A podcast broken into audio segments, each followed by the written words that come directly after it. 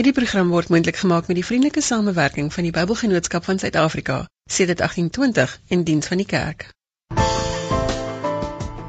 Ryk kruis en dwars uit met ons splinternuwe Afrikaanse uitreik Bybel in 1983 vertaling teen slegs R35.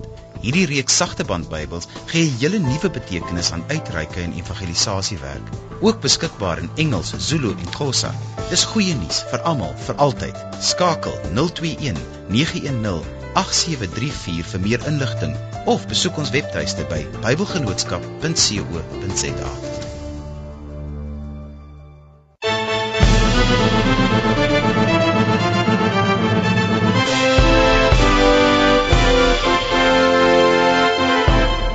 Goeienaand, van my Johan Simington. Jy luister na Kruis en Dwars, jou godsdienstgespreksprogram op RSG 100 tot 104 FM. Vanaand gesels ons 'n bietjie oor geloof en omgewing wat konstant verander. En my gaste is beide op die telefoon. Ons het vir Dr. Stefan Joubert. Hy is nie 'n onbekende by ons nie. Hy's 'n buitengewone professor in kontemporêre ekklesiologie. Oek, dis 'n vreeslike woord by die Universiteit van Bloemfontein. Stefan, vertel vir my wat se vreeslike ding is dit? Uh, Johan, dit klink erger as wat dit is. Eintlik beteken dit dat ek op 'n deeltydse manier so bietjie betrokke is by by die teologiese fakulteit daar met so 'n soort pos wat so tussen Nuwe Testament en praktiese teologie lê om so 'n bietjie saam met die studente en die dosente verder te dink en navorsing te doen oor wat kerkwees in 'n eie tyd se gewaad sou beteken. So ekklesiologie is eintlik maar net om te sê wat kerkkunde of so iets, né? Nee. Dis reg, Johan. En dan het ons ook vir Peer Engelbreg by ons. Hy is van Ekerk uit Pretoria. Dan Peer, baie welkom hier by ons. Baie dankie Johan, lekker vir my. Julle het albei onlangs lyk dit vir my met kerkleiers gepraat oor hoe om by te bly in 'n tyd waarin alles elke jaar eintlik anders lyk. Dit lyk my sommer binne die helfte jaar ook. Stefan, hoe leef mens met jou geloof in die, in 2012? Die uitdagings is groter as groot. As 'n mens hoor by die groot baas van Google dat daar tans elke dag en elke 24 uur meer inligting op die internet uh, verpak en versprei word as wat daar tot en met 2003 in die wêreld uh, vanaf die wêreld begin het uh, versprei word dan besef 'n mens net hoe geweldig uitdagend dit is om geloof sinvol te beleef. Ek dink uh, binne hierdie Babelse verwarring van tegnologiese ontploffings is dit inderdaad die groot vraag om die ou ou tyding in 'n relevante gewaad te hê. Die ou ou tyding is nog steeds dieselfde, maar die uitdaging om dit in vandag se taal te doen, dis die ek dink die groot challenge soos vandag se mense sou sê. Arme lidmate wat nou blootgestel word aan die inligting, is daar een of ander manier wat kerkleiers vir hulle sal kan help? Die groot uitdaging waarvoor ons staan. Ek onthou toe ek so jong leraar was, het ons by ons kerk 'n orrelfonds gehad. En almal het geweet, weet ou moet 'n orrelfonds hê want 'n kerk het 'n orrel nodig.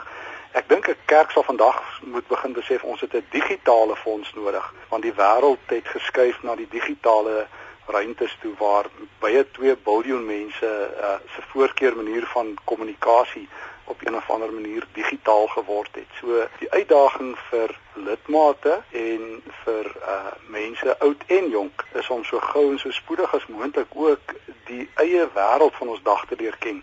Jy weet soos ons almal moes geleer lees en skryf het, sal ons weer van almal van voor af moet leer digitaliseer anders dan gaan ons die analfabete wees van ons volgende generasie. En dis miskien jy speer wat ek gou vir jou wou vra as 'n mens nou in die digitale era inleef Hoe kan nou nou eintlik kerk wees?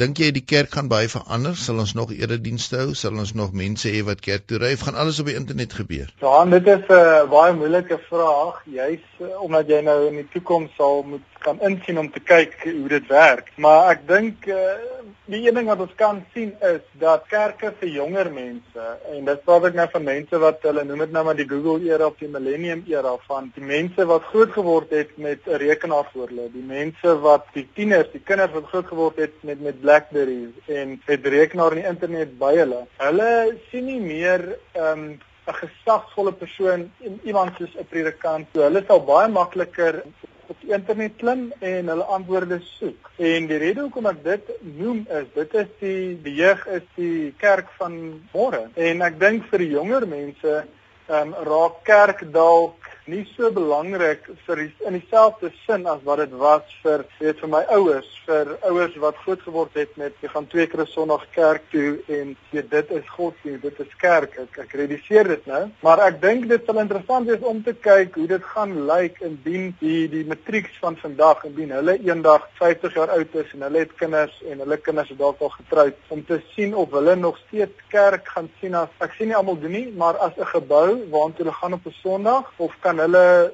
gou vinnig op Skype net met iemand gesels of op social media as ek dit so kan stel, net kan gesels oor hulle geloof en oor daai kwessie. Um dink ek sal dit 'n interessante vraag wees wat jy gevra het. Ek wil graag hê dat ons nou nou 'n bietjie oor oor die rol van sosiale media gaan praat, maar net eers aan die begin vir 'n kerk om digitaal te dink. Wat moet in sy kop gebeur, Stefan? Jy het sê ons moet almal nou 'n digitale fonds begin. Ons hoor dat die, die kerk wees in sy wese kan aantas mettertyd. As 'n gemeente nou dink en sê ek is nou in die digitale era, ek moet nou verander, wat moet hy doen of wat moet hy met sy digitale fonds doen? Johan, weet jy dit is ek dink die kruks van die vraag.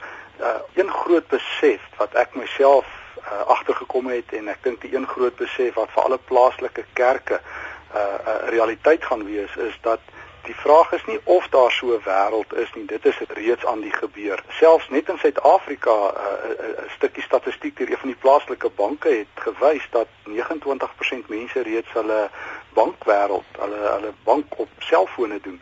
Dis is ons eintlik al reeds in daai wêreld. Ons almal is al reeds besig met ons selfone, met ons rekenaars en dis meer. En ek dink die eerste belangrike stap vir enige kerk is om dit te erken, tweedens te besef dat dit nie net 'n aanhangsel is nie, dit is nie net uh, ons is nie besig om met media te werk met respek gesê as ons net 'n PowerPoint of 'n uh, elektroniese aanbieding gemaak het nie. Ons sal moet bietjie begin kers opsteek by die nuwe generasie, die en dis hoofsaaklik dan jonger mense wat in hierdie wêreld ingesosialiseer is waar 'n ouetjie wat al op 2, 3 jaar jarige ouderdom is alreeds 'n Google kan gaan soek op 'n rekenaar. Een van my vriende het my nou eendag vertel dat hulle kind dit kan doen dat hierdie ouetjie kan sy pa nou al help met die ouetjie skaars 4 jaar oud hoe om op Google in te gaan. So ek dink ons sal dit moet besef. Dit is 'n realiteit.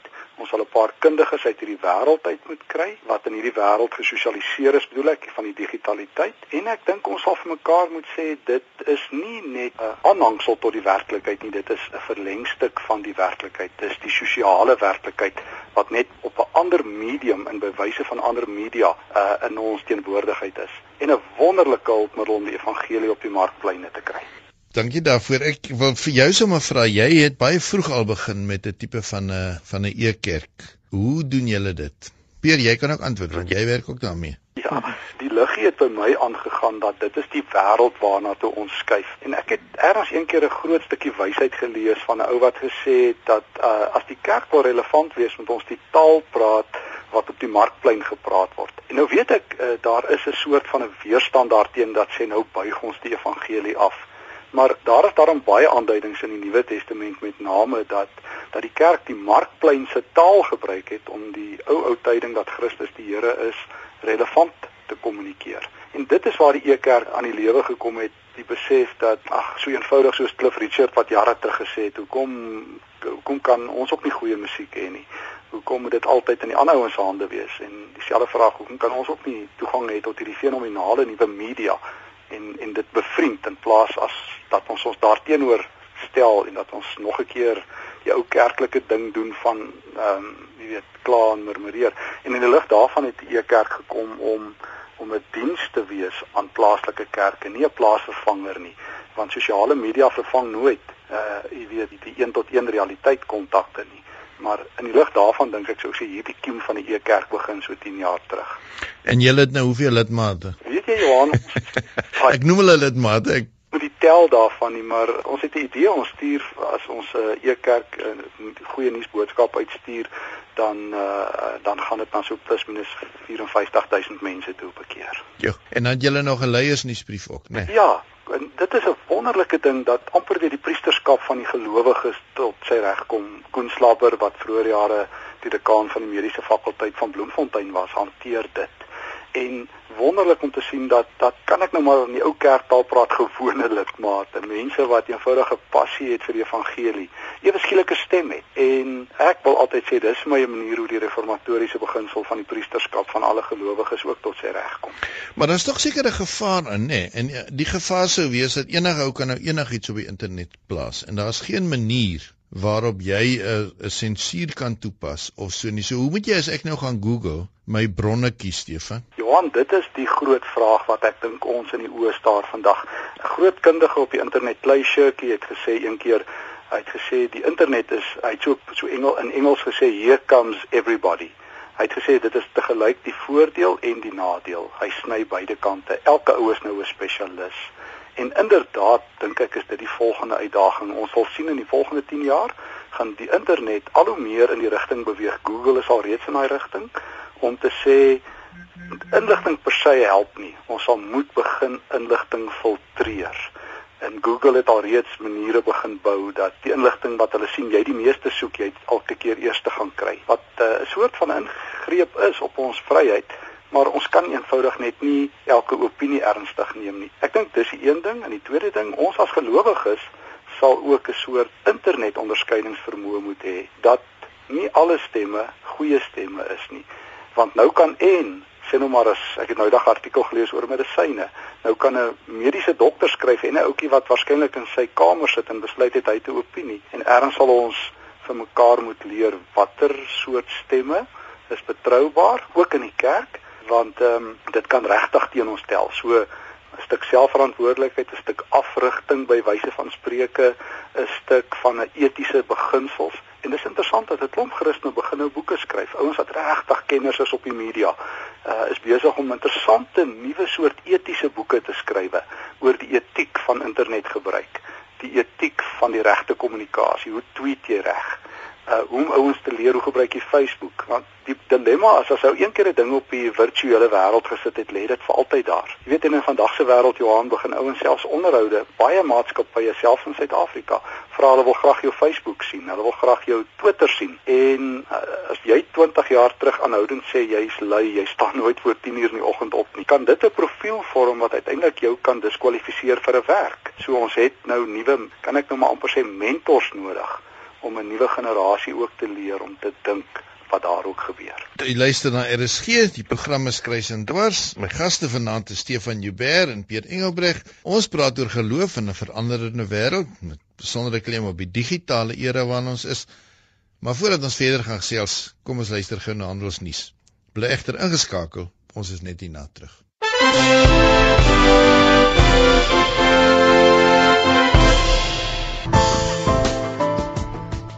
Besoek vandag www.bybelgenootskap.co.za vir gratis selfoonbybels, gratis Bybelhulpmiddels, vir gerieflike Bybelaankope en kopkrap Bybelvasvrae vir die jongste Bybelgenootskap nuus en om Bybelwerk te ondersteun. Klik vandag nog op bybelgenootskap.co.za. Raak betrokke en maak 'n verskil.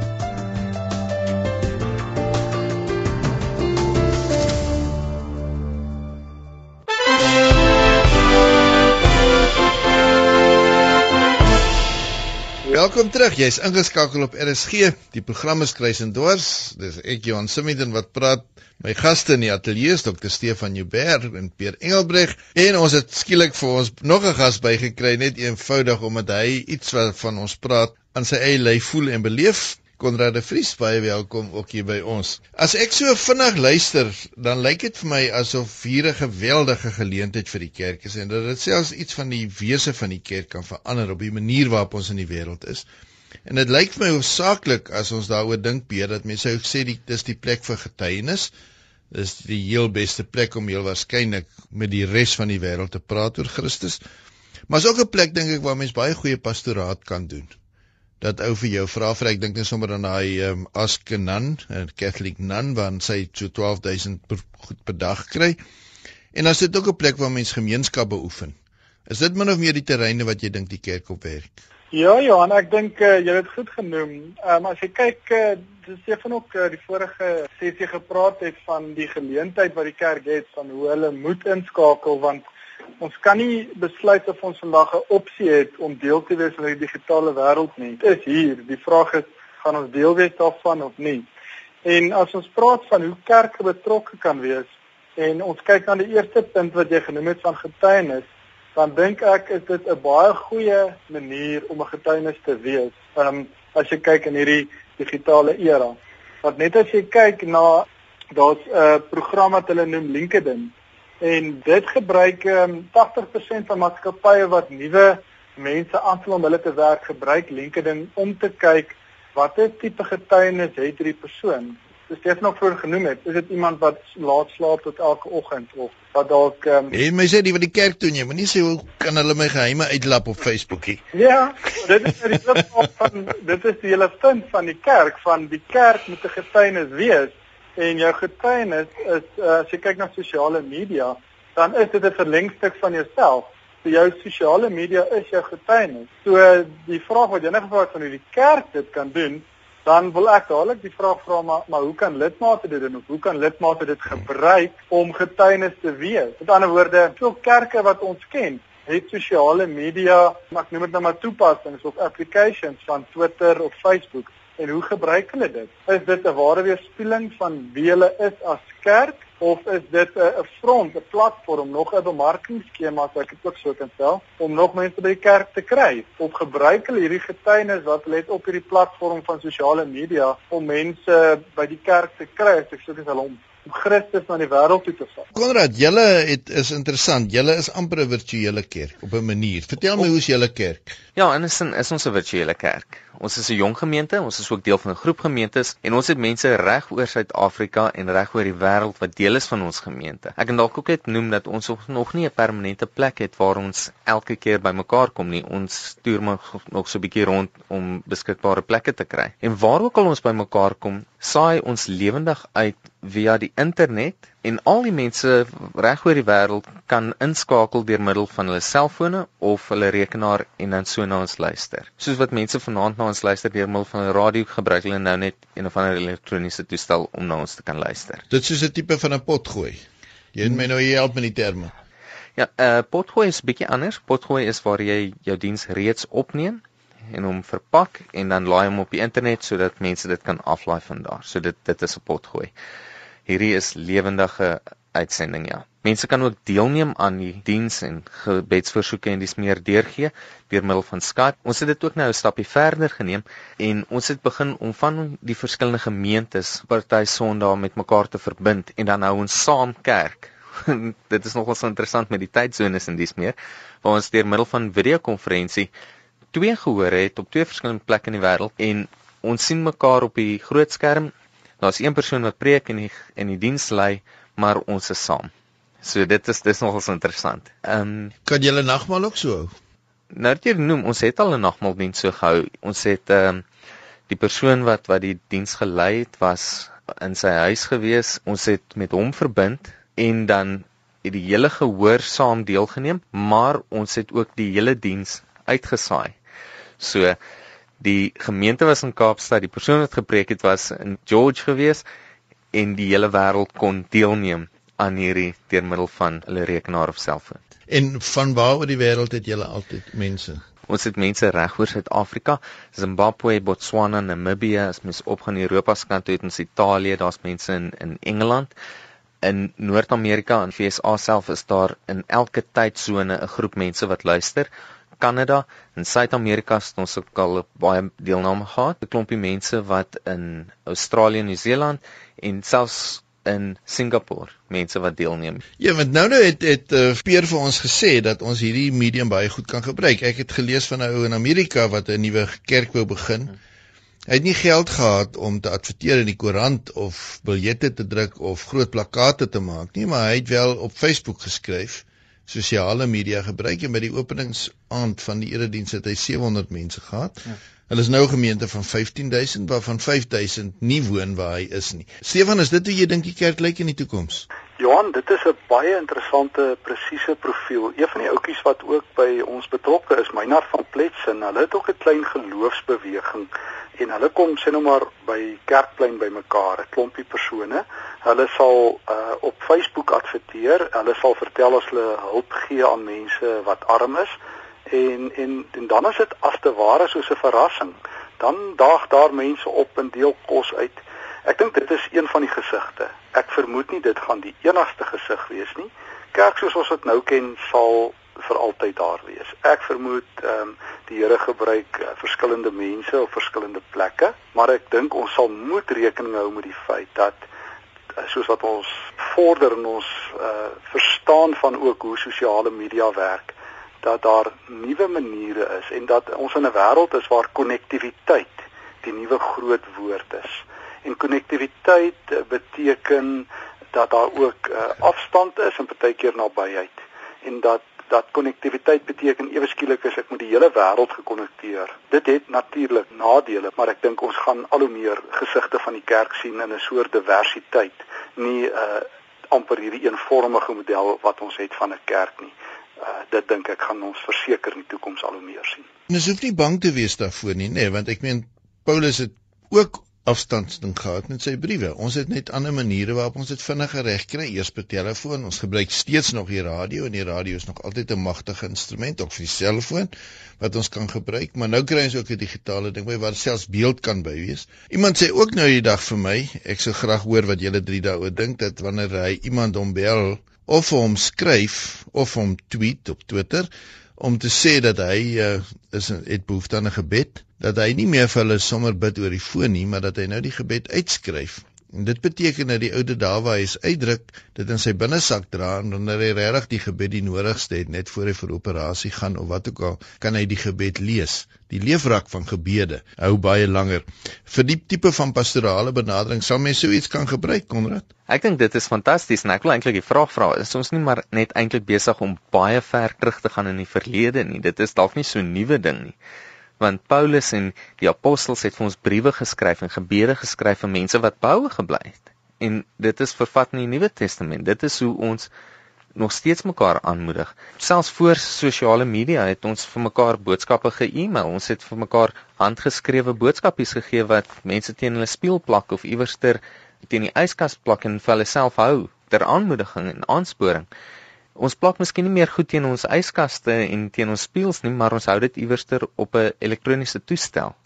So ek dink nie te veel het verander nie, maar ek dink dit is 'n fantastiese ding en ek voel ook dit bring 'n nuwe verantwoordelikheidsin in die gemeentes en in die kerk want my woorde is nou op die internet beskikbaar. 'n Mens weet nie in die agterkant van jou kop wat ook al ek vir iemand sê kan aangestuur word en kan oop wees vir die vir die mense om hom te sien en ek dink dit maak dit ons bietjie meer deeglik is as ons met die Bybel omgaan. Hmm.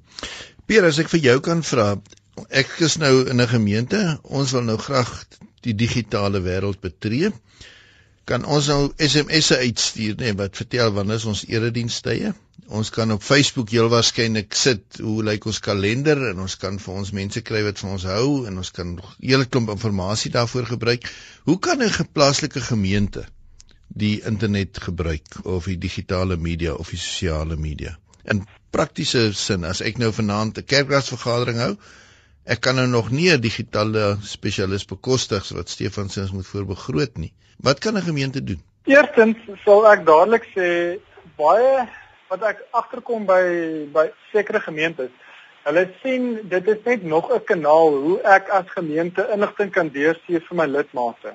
So nou boonbehalwe die blaadjie wat ons een keer 'n week uitstuur, boonbehalwe die webblad wat ons alreeds het, nou stuur ons e-posse ook uit, nou stuur ons SMS'e ook uit, het ons Facebook ook en ons kan Twitter ook gebruik. En die gevaar met dit is sodra ons dan 10 kanale het hoe ons kommunikeer, dan word die boodskap wat ons wil oordra afgewater. So ek sal dadelik vir hulle sê dit kos niks om om 'n webblad vandag te maak nie. Jy kry klomp uh, toepassings of applikasies soos WordPress of Blogger wat ehm um, heeltemal verniet is en dit iemand kan dit doen. So jy kan 'n webtuiste hê, jy kan die Twitter is verniet om aan te sluit en ook so 'n Facebook bladsy. Maar dan sal ek dadelik vir hulle self vir hulle die vraag vra, kyk wat hulle alles wil kommunikeer as gemeente en sê watter kanaal gaan die beste wees om hierdie boodskap die duidelikste oor te dra. As jy byvoorbeeld vir die senior Bybelstudie die temas wil deurgee, dink ek nie Facebook of Twitter, ek veralgemeen nou, maar ek dink dit gaan die beste manier wees om dit te kommunikeer nie. Hulle gaan dalk meer van 'n blaadjie hou in hulle hande. Maar indien jy dalk die tienerdiens of die aanddienste temas of onderwerpe wil op die internet plaas dat die tieners bietjie daaroor kan gesels, dan dink ek is Facebook die die beste want almal het Blackberries en almal is op die internet. So ek sal dadelik myself sê dit moet nie nog 'n kanaal wees om te kommunikeer nie. Dit is nog 'n 'n uh, kanaal. Ek sukkel nou myself uitdruk met dit. Maar dit beteken nie dat hulle moet dit ook gebruik nie. Hulle moet dit nog steeds alles in lyn kan gebruik om te sê hoe kan ons digitale media gebruik om die mense wat betrokke is en besig is met internet en die sosiale media, hoe kan ons hulle beter bereik as gemeente? Stefan, wil jy inkom daar? Ja, weet jy Johan, ek stem so met Pier saam. Die die groot uitdaging wat ons regtig in ons dag het is dat ons vir die eerste keer in die geskiedenis sit ons met 'n uh, generasiegapings wat die neurowetenskaplikes vir ons sê nie net 'n uh, sogenaamde ouderdomsgaping is nie, maar dat die breinontwikkeling van mense anders ter plaasvind in 'n digitale wêreld. Daar is nou genoeg tyd wat verloop het dat 'n klompie neurowetenskaplikes kon gaan kyk het na hierdie proses. Ek dink een ding wat ons moet onthou en daar's 'n baie interessante studie 'n paar jaar gelede gedoen deur 'n wêreldberoemde Amerikaner met die naam Siegel wat uit 24 mense gevat het, 12 ouens wat absolute internetboffins is, 12 mense wat amper niks van internet al weet nie. Toe hulle 'n bietjie gaan kyk deur fMRI skanderings wat gebeur in daai ouens se brein. Hulle het agtergekom die regte rekenaarkenners hulle prefrontale korteks aktiveer. Dis hier in die voorkant waar mense dink die ouens wat niks van internet weet nie is hier in die middel van hulle kop. Toe het hulle hierdie groepie gevat wat niks van internet weet nie. Hulle het vir hulle 'n ure dag vir 5 dae, met ander woorde 5 ure lank opgelei en toe het hulle op die 6ste dag weer dieselfde toets gedoen en toe kon hulle geen onderskeid vind in die breins van die persone. Wat dus sê ons is baie maklik leerbaar. En ek dink ons sal moet onthou ons sit is met 'n verskillende soorte mense wat verskillend inligting prosesseer, maar die verhaal dat ouer mense sê ek dis te laat om te leer. Daar's genoeg nuwe studies wat sê met 'n klein bietjie inspanning kan ons jou blootstel aan 'n wêreld wat fenominale geleenthede bied. So ek sal nogal vir 'n gemeente wou uitdaag om te sê, kry net iemand om een keer vir ouens te gaan leer wat is Facebook, wat is Twitter, hoe hoe werk uh, die internet, hoe werk 'n blog, hoe sit mense iets aan. Tweedens om te sê, dis nie maar net 'n addisionele hulpmiddel nie. Dit is 'n nuwe medium soos wat ons radio gebruik en selfone gebruik, hier's 'n medium wat ons vir Christus se eer kan gebruik om vir ouens eers vertrou te maak. Ek sal sulke kursusse aanbied, informasiekursusse. Ek sal saam met so speer gesê het vir gaan besluit watter belangegroepe is daar en derdens sal ek vra hoe gaan dit my gemeente se visie die beste dra. Die slegste ding wat 'n gemeente kan hê is om 'n webblad te hê wat dormant is. Dan moet mens liewers nie een hê nie. Konrad, jy wil inkom hier. Johan, as mens kyk na die internet, dan dink ek nou so vinnig aan drie maniere hoe mense baie keer die internet gebruik. Eerste een is net vinnige kennisgewing bordstyl. Daar's 'n kennisgewing bord. Ek skryf 'n kort boodskap hier, ek spel dit vas teen die bord en dit is oppervlakkige kennis, dit is reëlings wat 'n ou deurgee en dis meer. Maar die internet is vir baie mense op aarde die enigste biblioteek wat hulle nog sal besoek. Ek glo daar's 'n groot klomp mense wat nooit ooit hulle voete in 'n biblioteek gaan sit nie, maar wat hoogs gekwalifiseerde mense sal wees aan die einde van hulle lewe want die internet gee vir jou alles. Dit is ook 'n fisiese plek as daar verwys word na Facebook en word daar verwys as as die derde grootste wêreldpopulasie. So dis 'n land 350 miljoen of iets. Dis reg ja, 'n enorme klomp mense. So die internet is 'n plek, 'n fisiese plek waar mense bymekaar kom. En nou dink ek is baie belangrik dat ons as kerk gaan kyk na wat het Christus vir ons gesê en hoe gaan ons hierdie boodskap, hierdie opdrag wat Christus vir ons gegee het en hierdie wêreld bymekaar bring. Christus het vir ons gesê gaan wees sout en wees lig. Hy het vir ons gesê, "Gaan nou heen na die uithoeke van die aarde gemaak disippels." En as iemand vandag 'n hinkering in sy hart kry om meer uit te vind van Christus, gaan hy hom nie in 'n kerk soek nie. Hy gaan eerste internet toe gaan. Wat ek sê is in vandag se leeftyd gaan mense vir Jesus op die internet soek voor hulle hom enige ander plek soek. En as ons as kerk nie sorg dat Christus gevind kan word op die internet nie, het ons dan vra ek die vraag, is ons besig om ons sendingopdrag uit te voer? Ons het 'n sosiale media wat baie sterk is en ek glo dit is nodig om ons kerk ook sterker, ons gemeente wees te versterk en en baie tyd en dinkwerk daarin te sit om ons groep sterk te maak en en te groei en gesond te laat groei binne in die sosiale netwerke. Dit wil ek van die begin af sê. Maar dan wil ek net ook weer teruggaan na die die sending opdrag. Sending beteken daar's mense wat nog nie deel is van hierdie koninkryk van lig nie, wat nog in die koninkryk van duisternis is. Meeste van die internetgebruikers gebruik Google as hulle voorkeur soek engine. Maar dan nommer 2 op die lys, YouTube. Sien mense wil vandag nie meer net lees nie. Hulle wil kyk en hulle wil sien. Maar as mens nou stop en weer gaan kyk na Jesus se tyd op aarde, is daar regtig 'n groot verskil? Want Jesus het gekom en hy het mense geleer deur middel van gelykenisse. Hy het stories vertel. As ek in 2012 se konteks stories vertel, wat doen ek? 'n Video greep. En dit is wat YouTube is. YouTube is 'n plek waar mense 'n magdom video's neersit vir die wye wêreld om te sien. So ek reken as iemand vir Jesus gaan soek, dan gaan hulle Google en hulle gaan vir Jesus soek op Google en hulle gaan vir Jesus soek op YouTube. En ons as kerk het 'n geweldige verantwoordelikheid om YouTube te verlig, om die sosiale netwerke te verlig en nie net vir ons eie gemeente nie, dit is ongelooflik belangrik om ons gemeente sterk te hou, maar ook vir die wat daar buite is, mense wat nog in die duisternis is, lig te bring op hierdie platform. Dit lyk vir my as ek Google reg verstaan dat hulle twee groot onderwerpe. Die een is 'n vier-letter woord seks, maar die ander een is die belangrike drie-letter woord God. Hmm en dat dit wys net hoe die wêreld op soek is. En daarom Stefan kan dit seker 'n wonderlike manier wees om die evangelie regtig tot aan die uithoeke van die wêreld te bring, maar ook in die dieptes van die lende. Ja, ek dink net ons moet een ding ook in ag neem. Die internet werk op konnektiwiteit en as ek dit beskou as informasiebron en dit word al hoe meer duidelik dat 'n nuwe generasie gebruik dit as 'n koneksiebron. En ek dink ons moet ook in ag neem as ons die evangelie daarop sit dat ons nie net weer die ou subjek objek skema volg nie. Die internet is nie net 'n plek waar ek 'n klomp lewelose objekte probeer tref wat mens later mense noem nie. Die nuwe generasie ouens is baie fyner ontwikkel en dink baie meer en sou graag ook as mense herken wil word in eie reg en nie net as 'n objek nie. Ons het so bietjie vasgevall dat ons moet ons evangelisasie in die regte wêreld om mense amper te verobjektiveer tot verlore objekte. En ek dink in die internet het ek die geleentheid om verhoudings te bou met mense.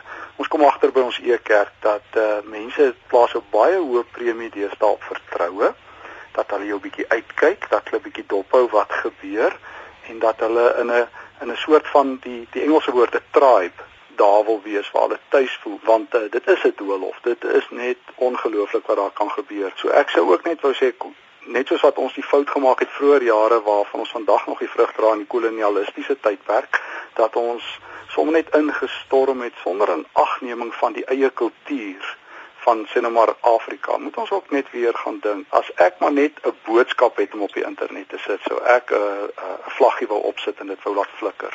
As ek regtig belangstel om verhoudings met mense te groei en God se liefde in 'n verhouding te laat wil gebeur is dit 'n wonderlike plek. Maar vra tyd vra geduld en dit vra 'n verstaan van die nuwe siege van wat besig is om ook vorm aan te neem in hierdie nuwe digitale wêreld. So sal jy op die ou ende sê, Peter, dit lyk vir my dat mense in die toekoms in plaas van 'n oralis heel waarskynlik iemand gaan hê wat jou webwerf bestuur en al jou vrae antwoord. Ek dit het ook vroeër gesê het, ek dink die kerk gaan ooit uitsterf en ek sal nie wil waag om te sê ek dink die orgel gaan ooit uitsterf nie.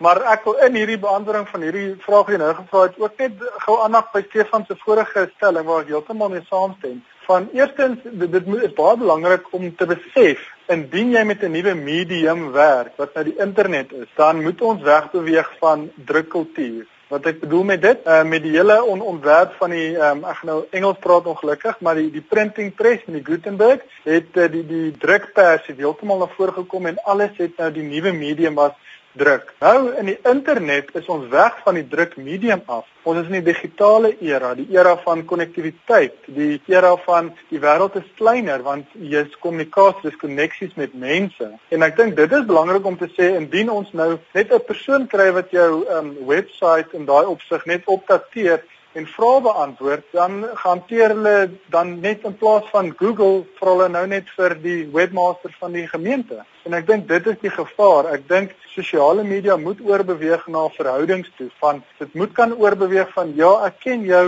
ek ken jou avatar wat hulle nou gebruik in Facebook en en Twitter en ek weet jou tweets en ek ken jou username, maar dit moet iewers oorbeweeg na kom ons drink koffie, kom ons sien mekaar gesig tot gesig en dan bou ons verder met die verhouding wat ons al reeds opgebou het op die sosiale media want ehm um, anderster kan dit 'n gevaar raak anderster kan ons net die drukpers medium gebruik en dit net so plaas op die internet en dit moet daai koneksie van verhoudings moet daar wees Konrad, hoe doen julle dit nou? As dit waar is dat konnektiwiteit so belangrik is en dat op eind tot gemeenskap moet lei of verhoudings met mense dat dit 'n gemeente word waar mense mekaar kan ondersteun as jy julle nou lidmate so ver weg het.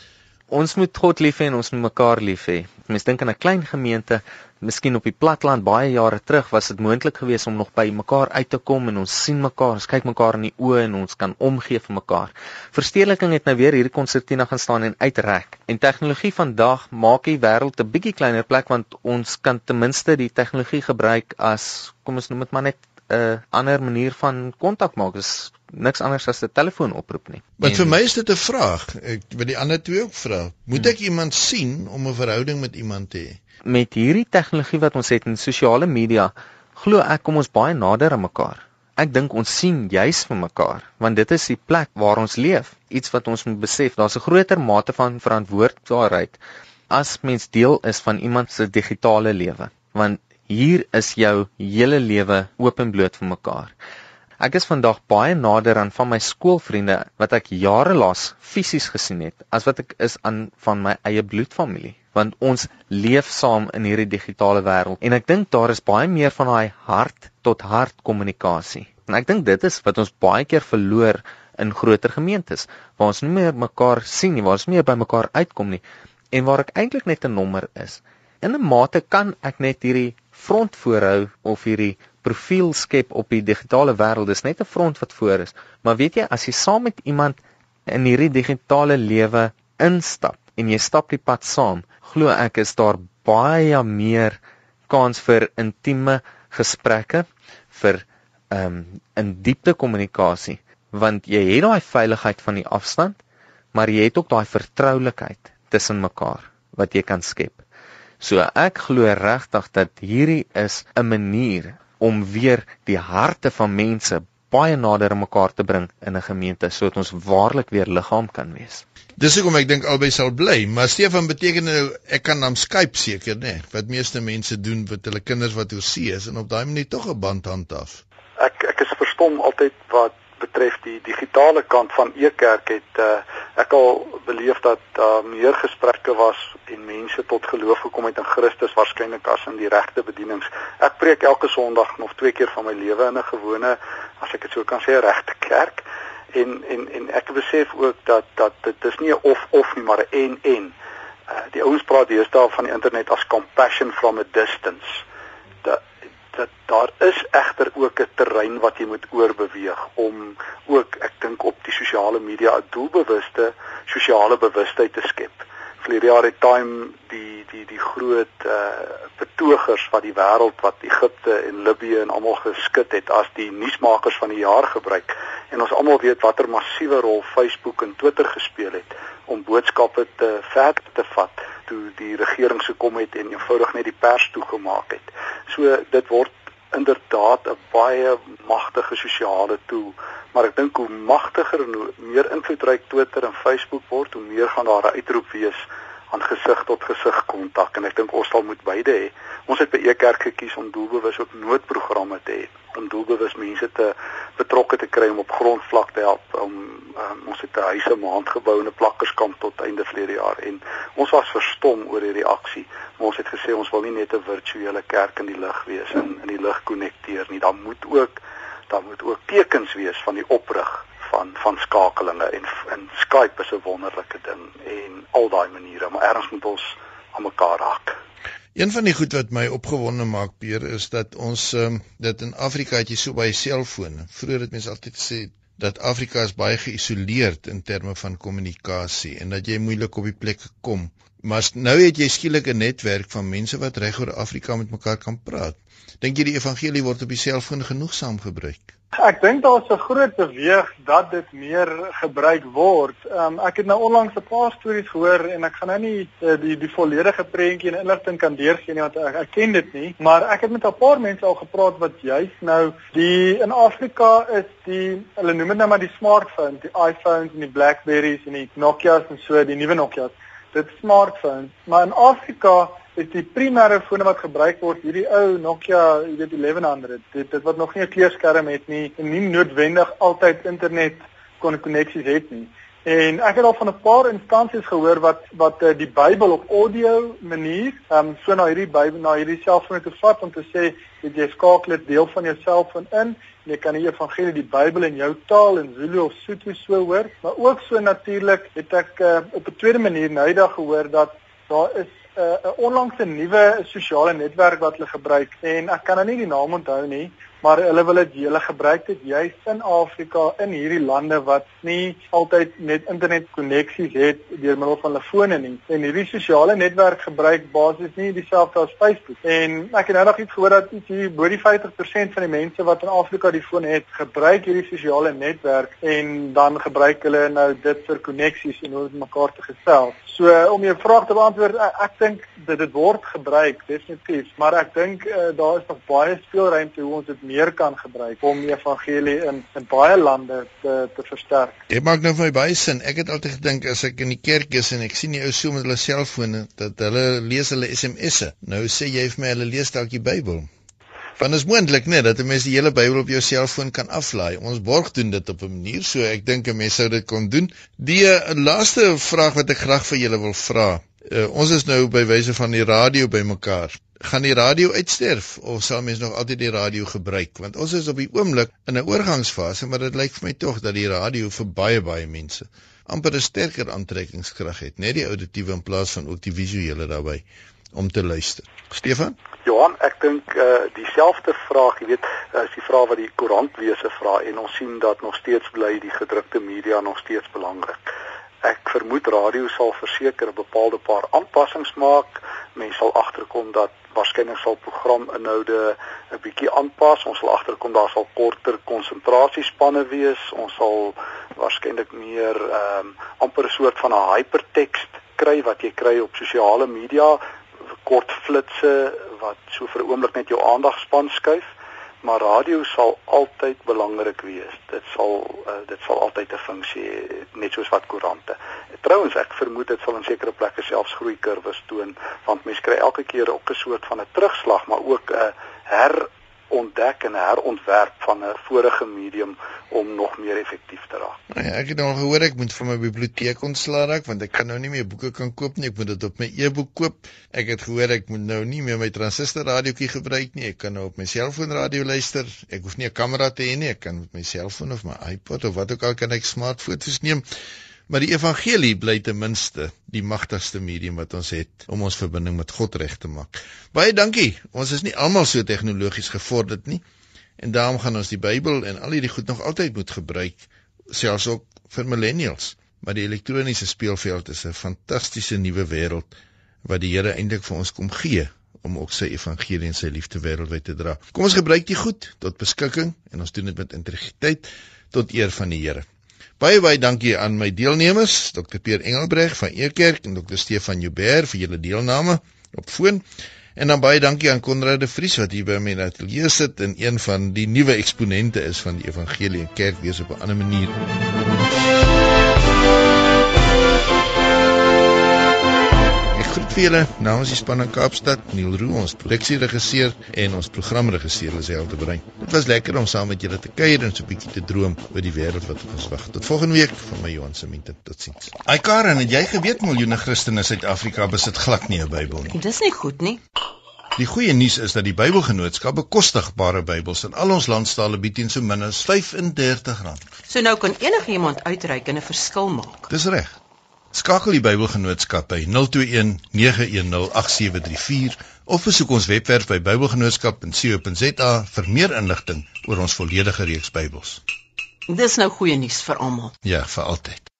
Hierdie program is moontlik gemaak met die vriendelike samewerking van die Bybelgenootskap van Suid-Afrika, die uitgewer van die Bybel in jou taal. Die program is versorg deur Wordwise Digital.